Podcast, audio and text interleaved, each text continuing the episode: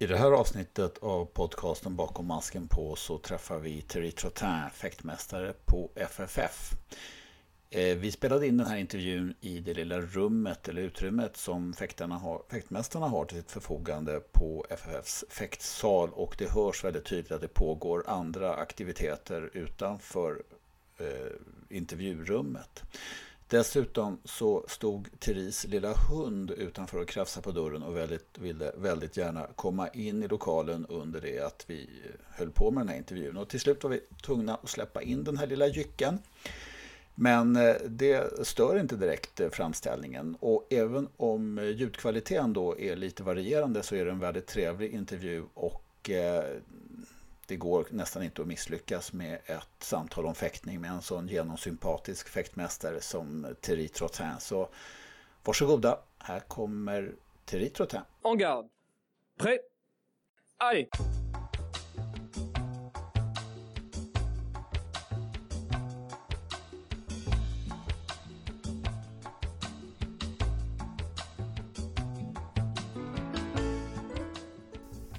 Hjärtligt välkommen till Bakom masken på Thierry Trottin. Mm, tack Henning. Vad roligt att få komma hit till FFF och ha en intervju med, med, med dig. Mm. Fäktmästare på FFF sen hur många år nu? Sen uh, 2001, slutet av 2001. Ja. Ja. Så det börjar bli ett, ett tag nu. Ja. Men du har varit i Sverige längre än vad du har varit på FFF. Jag har varit i Sverige i två omgångar kan man säga. Jag började uh, i slutet av uh, 90-talet och början av 2000. Jag har varit tre, uh, tre, fyra år i Sverige, i Halmstad. Mm. Där jag jobbade, jobbade jag också. I alla fall göra en insats i en fäktklubb där. Men inte som professionell, inte som professionell, som hobbytränare kan man säga. Men vi går, vi går hela vägen tillbaks. Vi börjar från början. Du kommer från södra Frankrike eller har du bara varit verksam i södra Frankrike? Jag, nej, jag är, egentligen jag föddes i södra Frankrike men jag, min, eh, min fäktkarriär jag började i Paris. Okej. Okej, som eh, fäktare, som eh, tävlare kan man Ja. säga. Hur gammal var du när du började fäkta? Jag var 11 år gammal. Och vad var det som drog dig till fäktsalen då? Hur gick det till? Ja, det är lite, eh, ska man säga, jag brukade att bråka ganska mycket eh, med de gängarna som var runt omkring var jag bodde. Sen min far som var militär tyckte att det var oacceptabelt och det var dags att kunna försvara sig på riktigt och inte komma hem med en, en svart öga eller en sår på kinden eller du vet. Eh, Och en kväll han blev extremt arg och han sa till mig nu, ça va. Vi ska försöka att eh, skriva in dig i en judoklubb så du ska lära dig att... Och han tittade, det var en måndagkväll, han tittade på listan av alla eh, idrottsklubbar som var öppen på stan. Och, och eh, judoklubb var stängd och sen klubb, äh, fäktklubben var öppen. Ja. Och ha- han hade alltid drömt själv att bli fäktare, du vet. Och han tänkte, men det ska vara bra till min son detta. Och sen vi kom in i fäktsalen. Och det var en sabelklubb, eh, inte bara men framförallt en sabelklubb. Och min pappa som var eh, undrade verkligen var han skulle skriva in sin son, frågade vilka resultat hade klubben. Och uh, fäktmästare Augustin Parent så ja men vi har just nu det Mexiko, ja det var i 68, ja, precis. Ja. Nu, just nu är det Mexiko och vi har en fäktare som är där.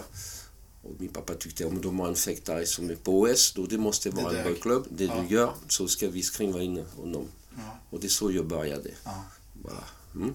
Och du, men du föddes i södra Frankrike sa du? Jag föddes i ja. södra Frankrike, nära Biarritz, Bayonne egentligen. Okej. Staden Bayonne som är ungefär så, två kilometer från Biarritz. Det är samma stad ungefär. Ja. Men, den lämnade du, då var, men då var du väldigt liten när du lämnade Bayonne och flyttade till Paris? Ja, det, jag var fyra år gammal. Och sen um, Bayonne, det var bara semesterställe efter Ja. mormor och morfar i södra Frankrike. Och- Men sen så fäktade du i Paris och växte upp i Paris och blev eh, tävlade också för en Paris, på den Parisklubben som du, som du började i. ja, precis. Ja, vad, hette, vad hette den klubben? La Française. La Française. den finns kvar? Det finns kvar. Ja. I alla fall, jag tror det. Ja. Ja. Det, var, en- ja, det var en väldigt speciell klubb. Det var egentligen en, eh, ett, ett privathus och vi brukade att träna i vinden. Ja. Och det var väldigt lite. Men uh, fäktmästare var fantastisk. Mm. Och på den lilla yta vi hade, han kunde ändå producera jätteduktiga fäktare. Mm. Bland annat Jean-François Lamour som vann två var, gånger. var klubbkamrat med dig? Ja, ja precis. Från, som från, var två gånger OS. ja. Från den lilla klubben? Ja, ni, ja, på är ni jämngamla? Du och ja, vi var samma, exakt. Ja. Samma. Och, och, och en mängd av andra duktiga fäktare. du vet, i- Jag vet att du har vunnit sex stycken franska lagmästerskap på sabel. Mm. Tillsammans med Jean-François Lamour. Men Lamour, ja, precis. Mm. Vad var det som gjorde honom till en så framgångsrik sabelfäktare? Han, var, han var gjort för detta, man Mm. kan säga. Han var Han extrem... var stor, han var lång. Nej, han var extremt aggressiv, extremt intelligent Mm.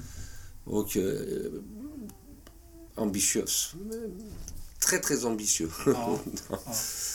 Ehm, men vi var vi var, vi var ungefär lika bra Ja. till jag slutade kan man säga. Så, så vi hade ett stort... eh, vi trän, brukade träna tillsammans. Ja.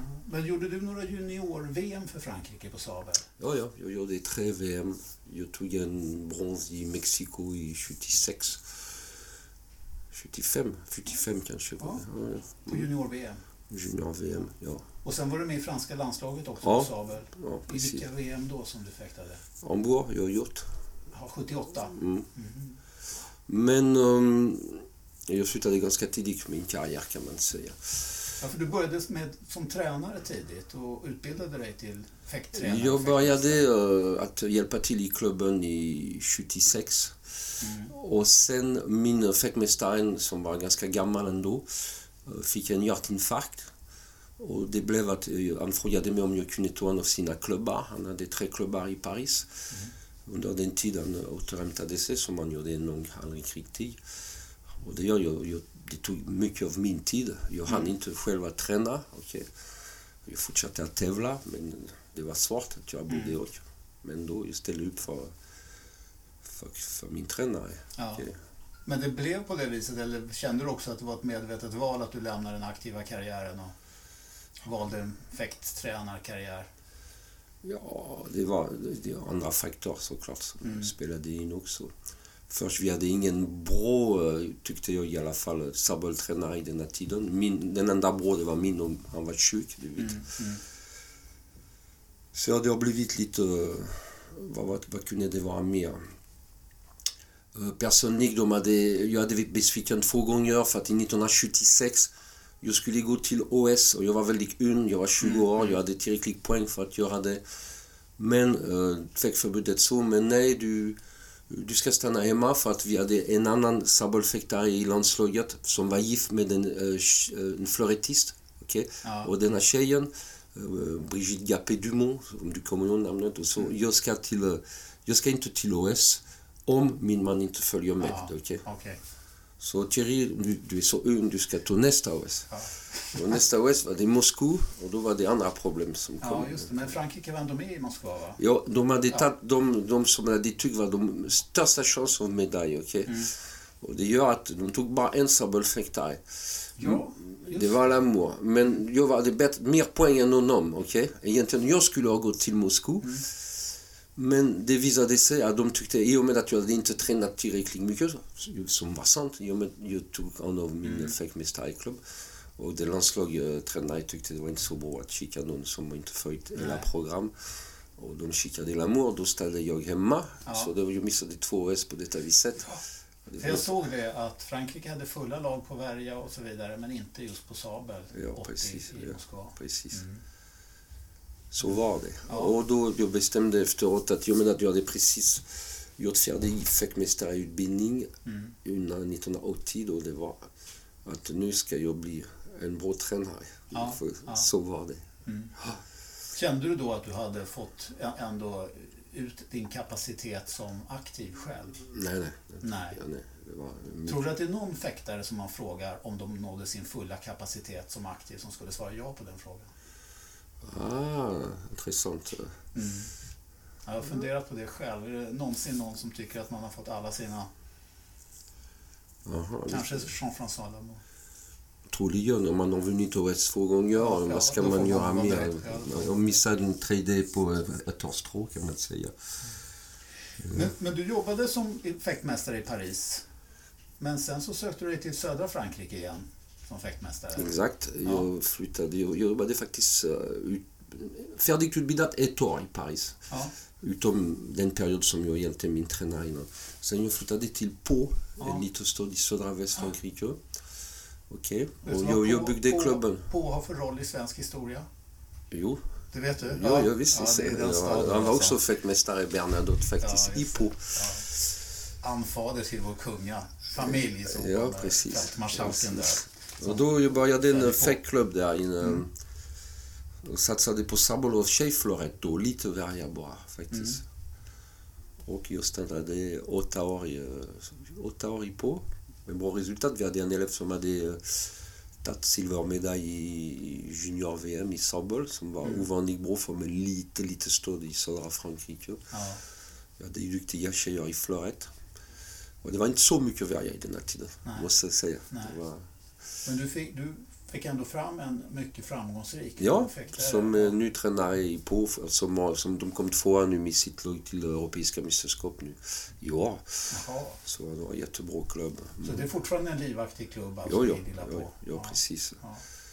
Det var en, för I början var det ett litet uh, halvrutet uh, fäktlokal, men sen vi fick så, så pass så bra resultat så småningom att kommunen erbjöd sig att bygga en jättefin uh, fäktklubb med två våningar. Men jag har aldrig jobbat i den för den var färdigbyggd när jag flyttade till Sverige första gången. Det var lite trist men så var det. Så är det. Ja. Sen så sökte du ifrån på också lite grann norrut. Från, eh, i, i samma distrikt väl, Bergerac. Ja, men detta är efter att eh, jag hade... Från åkte till... eh, Det var först, min första period i Sverige. Började från Pau, okej, till Halmstad. Mm. Och sen när jag flyttade För tillbaka... du gifte dig då med en svenska? Jag var redan gift sedan tio år med den svenska. Vet. okej. Historien var att eh, vi bodde då i, i Pau. Och sen vi brukade ta semester i Sverige då, i Halmstad. Mm. Jag uppskattade mycket att vara där på sommaren. Och då träffade jag en kvinna som hette Ulla-Britta Jönsson. Hon Mm. var mm. långslagkapten för Tjejvärja, tror jag. Ja, hon var, hon, var star- hon var väldigt engagerad, både i Svenska fäktförbundet och i Halmstad naturligtvis. Och, och, eh, Precis. ja. Och då eh, sa hon till mig, men du, du vet, jag, jag träffade henne för att hon var exakt granne med mina svärföräldrar som jag den slump. Ja, verkligen. Men eh, hon sa till mig, du vet, vi har en fäktgymnasiet här. Och sen en, en äldre fäktmästare som ska snart ta pension. Så om du vill flytta till Sverige, du ska få fäktgymnasiet. Och jag hade en jättebra klubb i så jag tänkte varför skulle jag göra det? Men min, min exfru då, hon hade längtat att komma hem och sen hon, det blev att hon påverkade situationen. Så vi flyttade, vi lämnade Pau och flyttade hela familjen till, till Halmstad. Och efter ett år, knappt ett år, flyttade fäktgymnasiet till Karlskrona som var hemstad från denna tränare. Och eh, jag stod med långdessan, vi hade köpt hus och alltihop. Och tänkte okej, jag ska stanna i Halmstad, försöka att jobba där och sen fäktning som Mm, som extra... extra nöje. Så jobbade i kommun som trädgårdsmästare etc. Ja, Ja. ja. Till eh, jag eh, flyttade tillbaka till Frankrike, till Bergerac. All right. Ja, precis. Och jag stannade i Bergerac många år. Så samma sak, lite rutet klubb i början och sen när jag lämnade stan, lämnade Bergerac, de hade byggt en ny klubb. Ja. Men jag fick inte jobba i den heller för att jag precis flyttade när vi fick den. Ja, så var det. Ja. Så har vi två stycken ganska så fantastiska i alla fall städer och områden i södra Frankrike för att... Ja, ja, ja, sådär, Ja. precis. Ja. Ont Ontologistäder. Ja. Bergerac, Cyrano, bien sûr. Ja, ja just det. Ja, Ja, det är efter det. och eh, på, på grund av den relation till Bernadotte. Om du tittar tillbaks, när du bott i Sverige, levt i Sverige så många år. Men om du tittar på fäktningen, vad, vad har man upplevt, vad har du upplevt för kulturkrockar inom fäktningen jämfört med att vara fäkttränare, fäktmästare i, i Frankrike? Okej. Med att komma som också din ganska så stora erfarenhet från att vara både fäktmästare i en klubb som Halmstad också och, och sen på FFF. Vad, vad ser du för stora kulturkrockar som vi har, har mött på? det, I Frankrike, du är, om du är fäktmästare i Frankrike... Vad jag blir förvånad här i Sverige, det är att upptäcka när en, en, en, en, en ung fäktare började i en klubb, första tanken av tränare eller föräldrar, det är hur ska han komma till OS eller VM? Okay, det var, I Frankrike vi pratar aldrig om detta. Det, de fäktar först. Okay. Det är inte en tanke att de kan kunna delta i franska mästerskap räcker väl. Mm. Att plocka en regional uh, titel räcker väl för en klubb. De har inte denna, dessa, uh, ska man säga, tanke att utveckla en fäktare. Denna vägen, om det händer att du är en duktig fäktare i din klubb, det finns ändå andra strukturer som ska mm. upptäcka den, ta hand om honom och föra den till sin bästa kan man säga. Men det är inte fäktmästaruppgift i början. Du vet. Eh, det är många tävlingar i Frankrike som är extremt trevliga.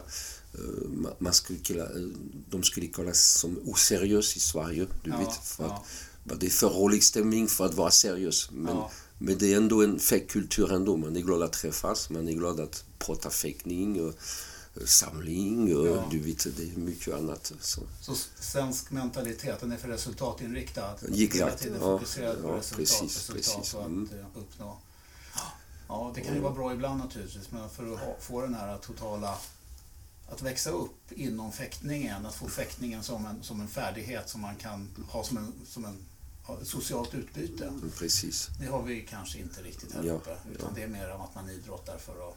Och det är därför vi tappar ungdomar också. Men Frankrike ser lite grann samma problem idag, att man tappar ungdomar. Man, jag tror att det är en internationellt problem. Frankrike, mm. Inte bara Frankrike, Italien också problem. Mm. Eh, jag vet inte exakt varför. Det är så mycket annat nu i konkurrens med fäktning. Det är ändå en disciplin, fäktning. Och ja, det är inte alltid roligt, man kan Nej. säga, när man vill lära sig på seriöst. Mm. Det är det vi anklagar ungdomar för idag, att allting ska vara roligt. Men å andra sidan tror jag alltid att äldre generationer har anklagat yngre generationer för att de ska ha roligt hela tiden. Ja, precis. Mm. Det stämmer. Det stämmer. Eh,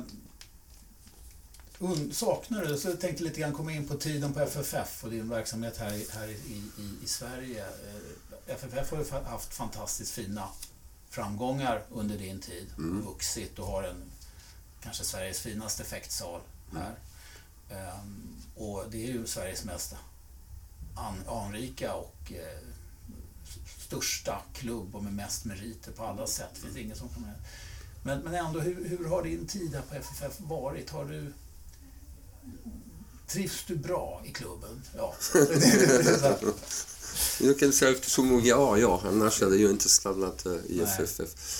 Nej, men det har alltid varit uh, väldigt trevlig verksamhet här. Ja. Trevliga människor. Det kan jag säga. Jag fick mycket hjälp också. Jag har inte bara gjort allt själv. Fantastiskt hjälp runt mig hela tiden mm. angående organisation, administration, logistik och allt sånt. Ja. Det man naturligtvis kommer tillbaka till det är ändå en, en sabelfäktare som du som har sin bakgrund och, och sin, mm. sin egen karriär inom sabel. Har du saknat att inte undervisa sabel mer? Att vi inte är ett jo, det har jag gjort. Och jag har gjort ett försök faktiskt för ja. några år sedan. Men den dog på grund av brist på konkurrens i norra Europa. Ja.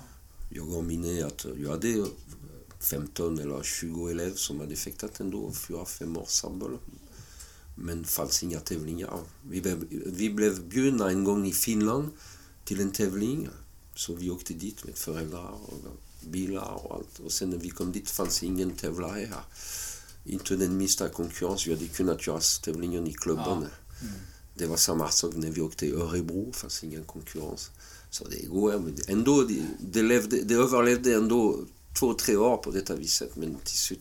Mm. Ja, man måste ha en inhemsk Man måste, ja precis. Ja. Exakt. Ja. Så, men under Halmstad-tiden så hade du ändå en elev som var framgångsrik? Ja, jag, jag hade gjort tre kadett som var bra, för det var en, en VM i Göteborg, en kadett-VM, kadett i Göteborg, det var 91. Ja. Jag tror att vi gjort final och det var en final med sex personer, jag tror, den ja. tiden.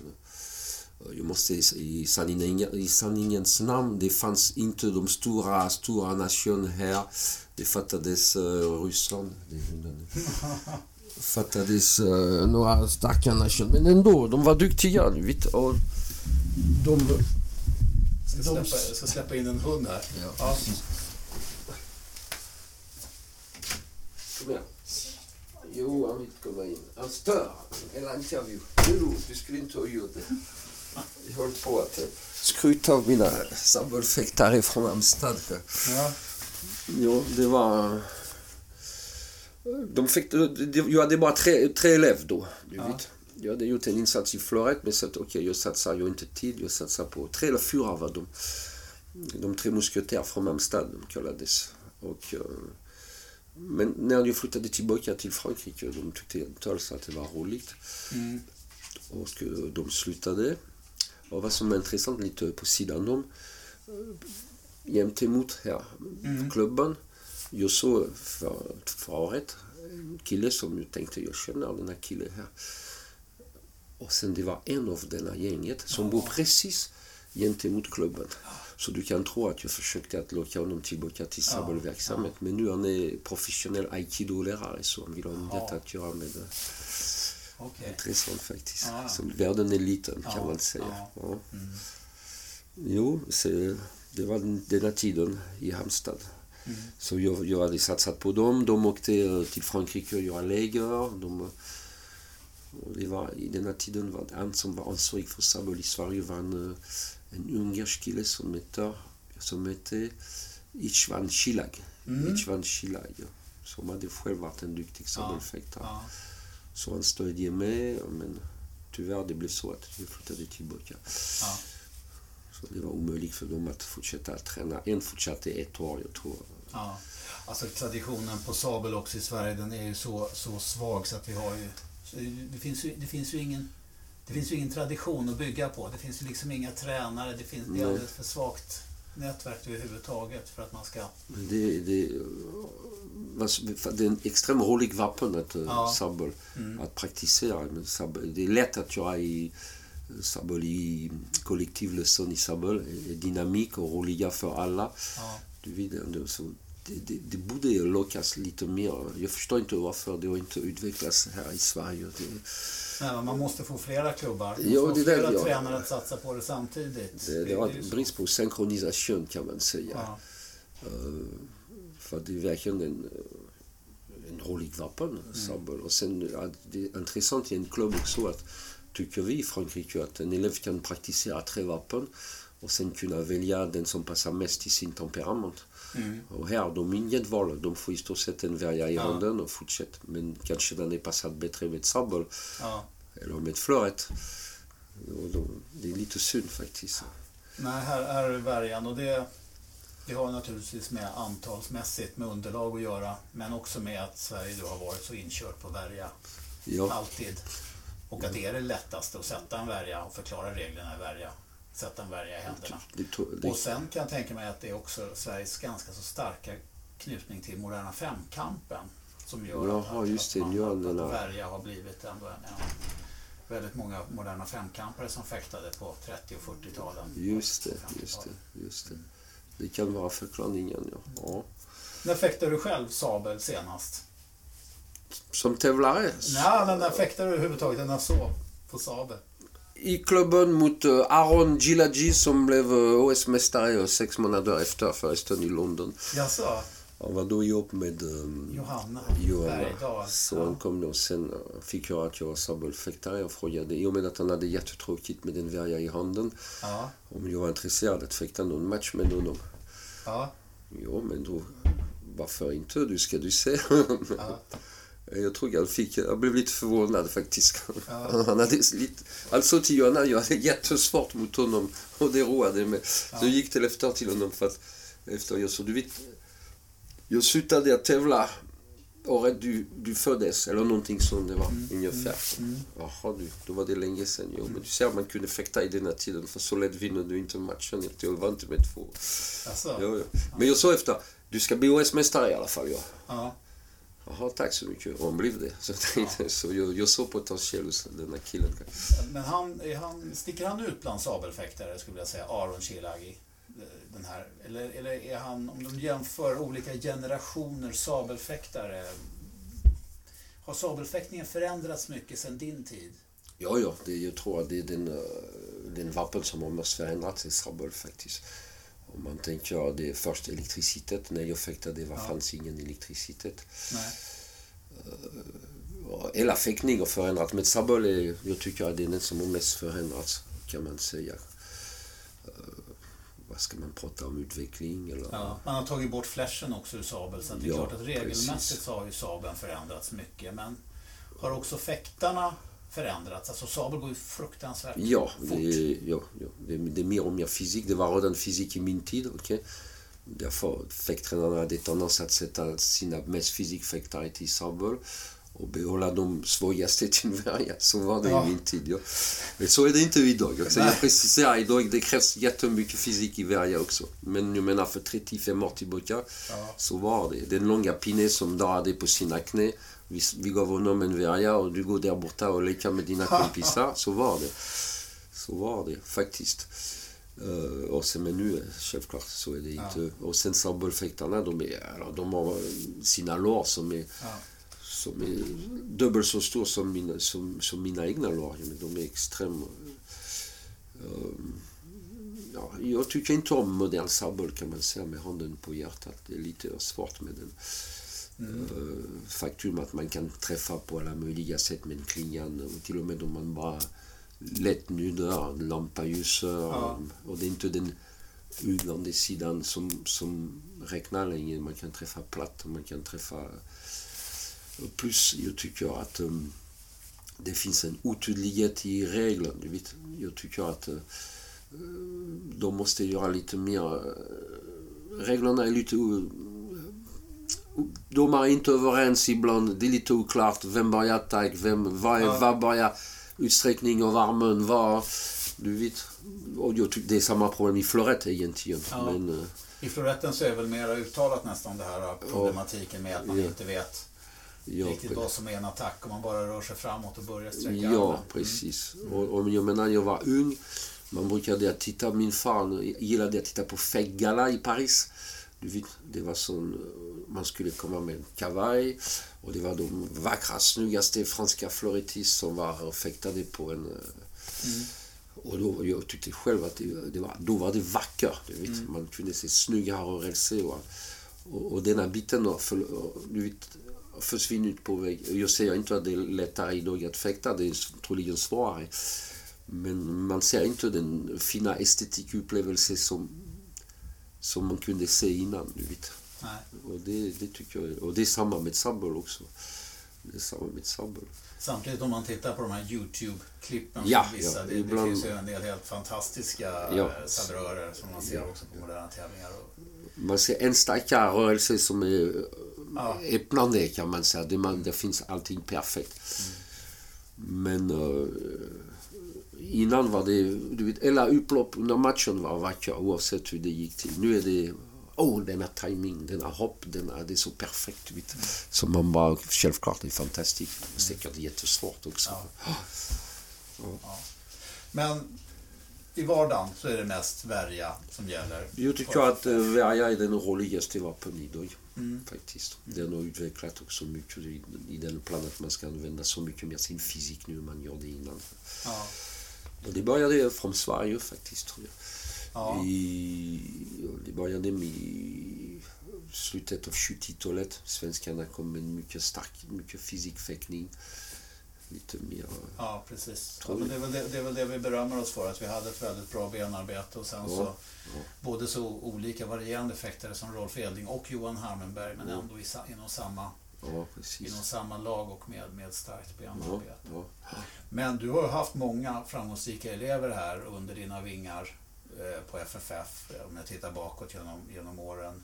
Eh, Tor Forse och eh, ja, precis. Joar, Joar Sundman. Joar Sundman och eh, Johanna Bergdahl som du har haft här. Och mm. också, nu har du ytterligare lovande unga Ja, ja. Några bra juniorer med Elvira, med eh, Ja. Sofie, Julia. För det finns en gäng som... eh, Och sen Kasper. Alltså det kommer nya hela tiden som man... Hela tiden, nej. De kommer inte hela tiden. Men då och då kommer, då kommer, kommer en som man säger... Om den fortsätter att träna på full allvar har den chans att, att få bra resultat. Men samtidigt man måste vara medveten att konkurrens är svårare och svårare. Jag, ser från, jag skulle säga från år till år att det blir svårare och svårare att få att konkurrera de starka nationerna, eller starka, ja. man ska de är professionella i stort sett Ja. och det är vi inte. Nej. Sen hur kan man vara utan att vara... Det, det krävs en mängd av arbete som, för att vara duktig och matcha dem som vi har ingen möjlighet att göra på grund av att vi inte är professionella. För att de ska jobba studera. Så det är lite... eh, jag- vet inte hur det ska gå till. Det, det blir inte lättare och lättare i alla fall. Ja, det blir mi- mindre och mindre talang och eh, vad ska man säga, chans inom idrotten generellt. Mer och mer vetenskap och, Ja, och precis. professionellt arbete Ja, för att precis. ta medaljer. gäller alla idrotter tror jag. Och det är klart, där har vi svårt i fäktningen. Men vi får väl försöka på något vis. Ja, vi allt, ja. Det är ju ändå idrott. Det är ändå, Jo, jo. någonstans så finns ju ändå, ändå ett inslag utav, Ja, utav personlig ambition och eh, eh, talang. Du, jag precis. tänkte lite grann eh, framtiden för dig om man ser. Eh, du, har ju, du har ju några år kvar. Du har ju många år kvar som fäktmästare. Det finns väl ingen yrkeskategori som blir så gamla som fäktmästare? Ja, så frågan är hur länge jag ska... Nej, jag tänkte inte fråga hur jag ska länge. men jag tycka det är kanske. Men jag tänkte ändå, Sverige, Sverige i all ära, men ändå som fransman, blir det för Sverige för dig på ålderns höst eller kommer du... Ja, det är en fråga som jag undrar varje dag nästan. okej? Mm. Jag skulle säga jag skulle vilja ha en fot i båda länderna. du Ja. vet. Och eh, jag vet inte hur det ska gå till. Jag har tre år för att fundera om denna saken. Mm. Om tre år är jag blir pensionär. Ja. Och då... eh, Jag har svårt att tänka mig att eh, sluta med fäktning. Men Mm. jag, klart, jag skulle gärna göra det på mina villkor. Ja. Du vet, jag ska jobba eh, som jag vill och när jag vill på något sätt. Mm. Eh, Men för vi ser, om man blir förvånad. Man tänker på eh, denna duktiga tränare från, eh, vad heter han, den ryska nu, eh, Paramanov. ja. Slutade, du vet, helt. Ja. Att, allt av fäckaktivitet. Sergej Paramanov som var Sergej. Göteborg som flyttade hem till Ukraina. Ja, precis. Och, och man säger alltid sådana slutar aldrig, men man visar att sådana kan tröttna ändå, du vet. Och göra något annat. Ehm, för min del, jag vet inte faktiskt. Jag skulle... Både och. Lite... Vi får se. Tre år som sagt för att fundera om saken. Men visst, om man undervisat fäktning under mer än 40 år så det är svårt att veta hur det känns att inte göra det länge, du vet. Man upptäcker efter ett tag, man står framför spegeln med en tandborste och vevar contre six, då är det kanske något som, som man saknar i livet. Ja. vet. Det kan vara sånt, ja. Ja. Thierry, eh, tycker du att eh, du har fått möjlighet att ge en någorlunda bild av din karriär och din gärning inom fäktningen i den här intervjun med mig i podcasten? Ja. Eller tycker du det är någonting mer som vi skulle vilja... Mm, nej, jag tror att vi har gjort en varv, kan man säga. Vi delar lite grann också ett intresse faktiskt för fäktkonstens historia, du och jag. Mm. Ja. Men du är mycket bättre än vad jag är. Du är väldigt kunnande. Ja, men jag får vädja till dig ibland och hjälpa mig med, med vissa översättningar utav vissa Ja, intrikata. Precis. Men visst, jag, jag ser en vacker vapen. Jag har hjärtat som slår, du vet, kan man säga. Men du, köper, du köper säkert mer än vad jag gör. Eller jag vet jag inte. gör Eller du det. drömmer Jag, kanske. jag drömmer nog också Ja. faktiskt. Jag gör inte det längre. Men känslan är intressant för att jag fick när jag var ung, jag fick vänta ett år innan jag fick eh, rätt att köpa. Tränare ville man skulle jobba med benen under ett år och upptäckte han att man hade bra balans och bra koordination. Man fick en liten lapp i handen, man skulle gå till Soudé i Paris köpa en sabel. Och när jag gick och hämtade min sabel, det var den vackraste sak jag hade sett i hela mitt liv. Det var, det var mitt, den sabeln. i- men du vet, var fantastiskt. Ja. Och, och, och den här känslan får jag nu när jag tittar på gamla vapen. Jag vet, Mm. Det är samma. Jag vet inte, det går inte att förklara. Det är, det Nej, som, nej. Nej, men jag har ju vissa gitarrister som talar om gitarrer på samma sätt och bilar och allt möjligt. Men Just, just sin, eh, sin första värja eller om man har ett sånt historiskt vapen i sin hand så det, Ja, precis. ja. så är det en speciell sak. Men, ja, Thierry, hjärtligt tack. ja, Det var trevligt att få komma hit och var roligt att ha dig som gäst i min tack. podcast. Det, kun- det var trevligt att prata om mig själv lite. Det händer inte så ofta. Så var det. Tack. ja, tack Emil.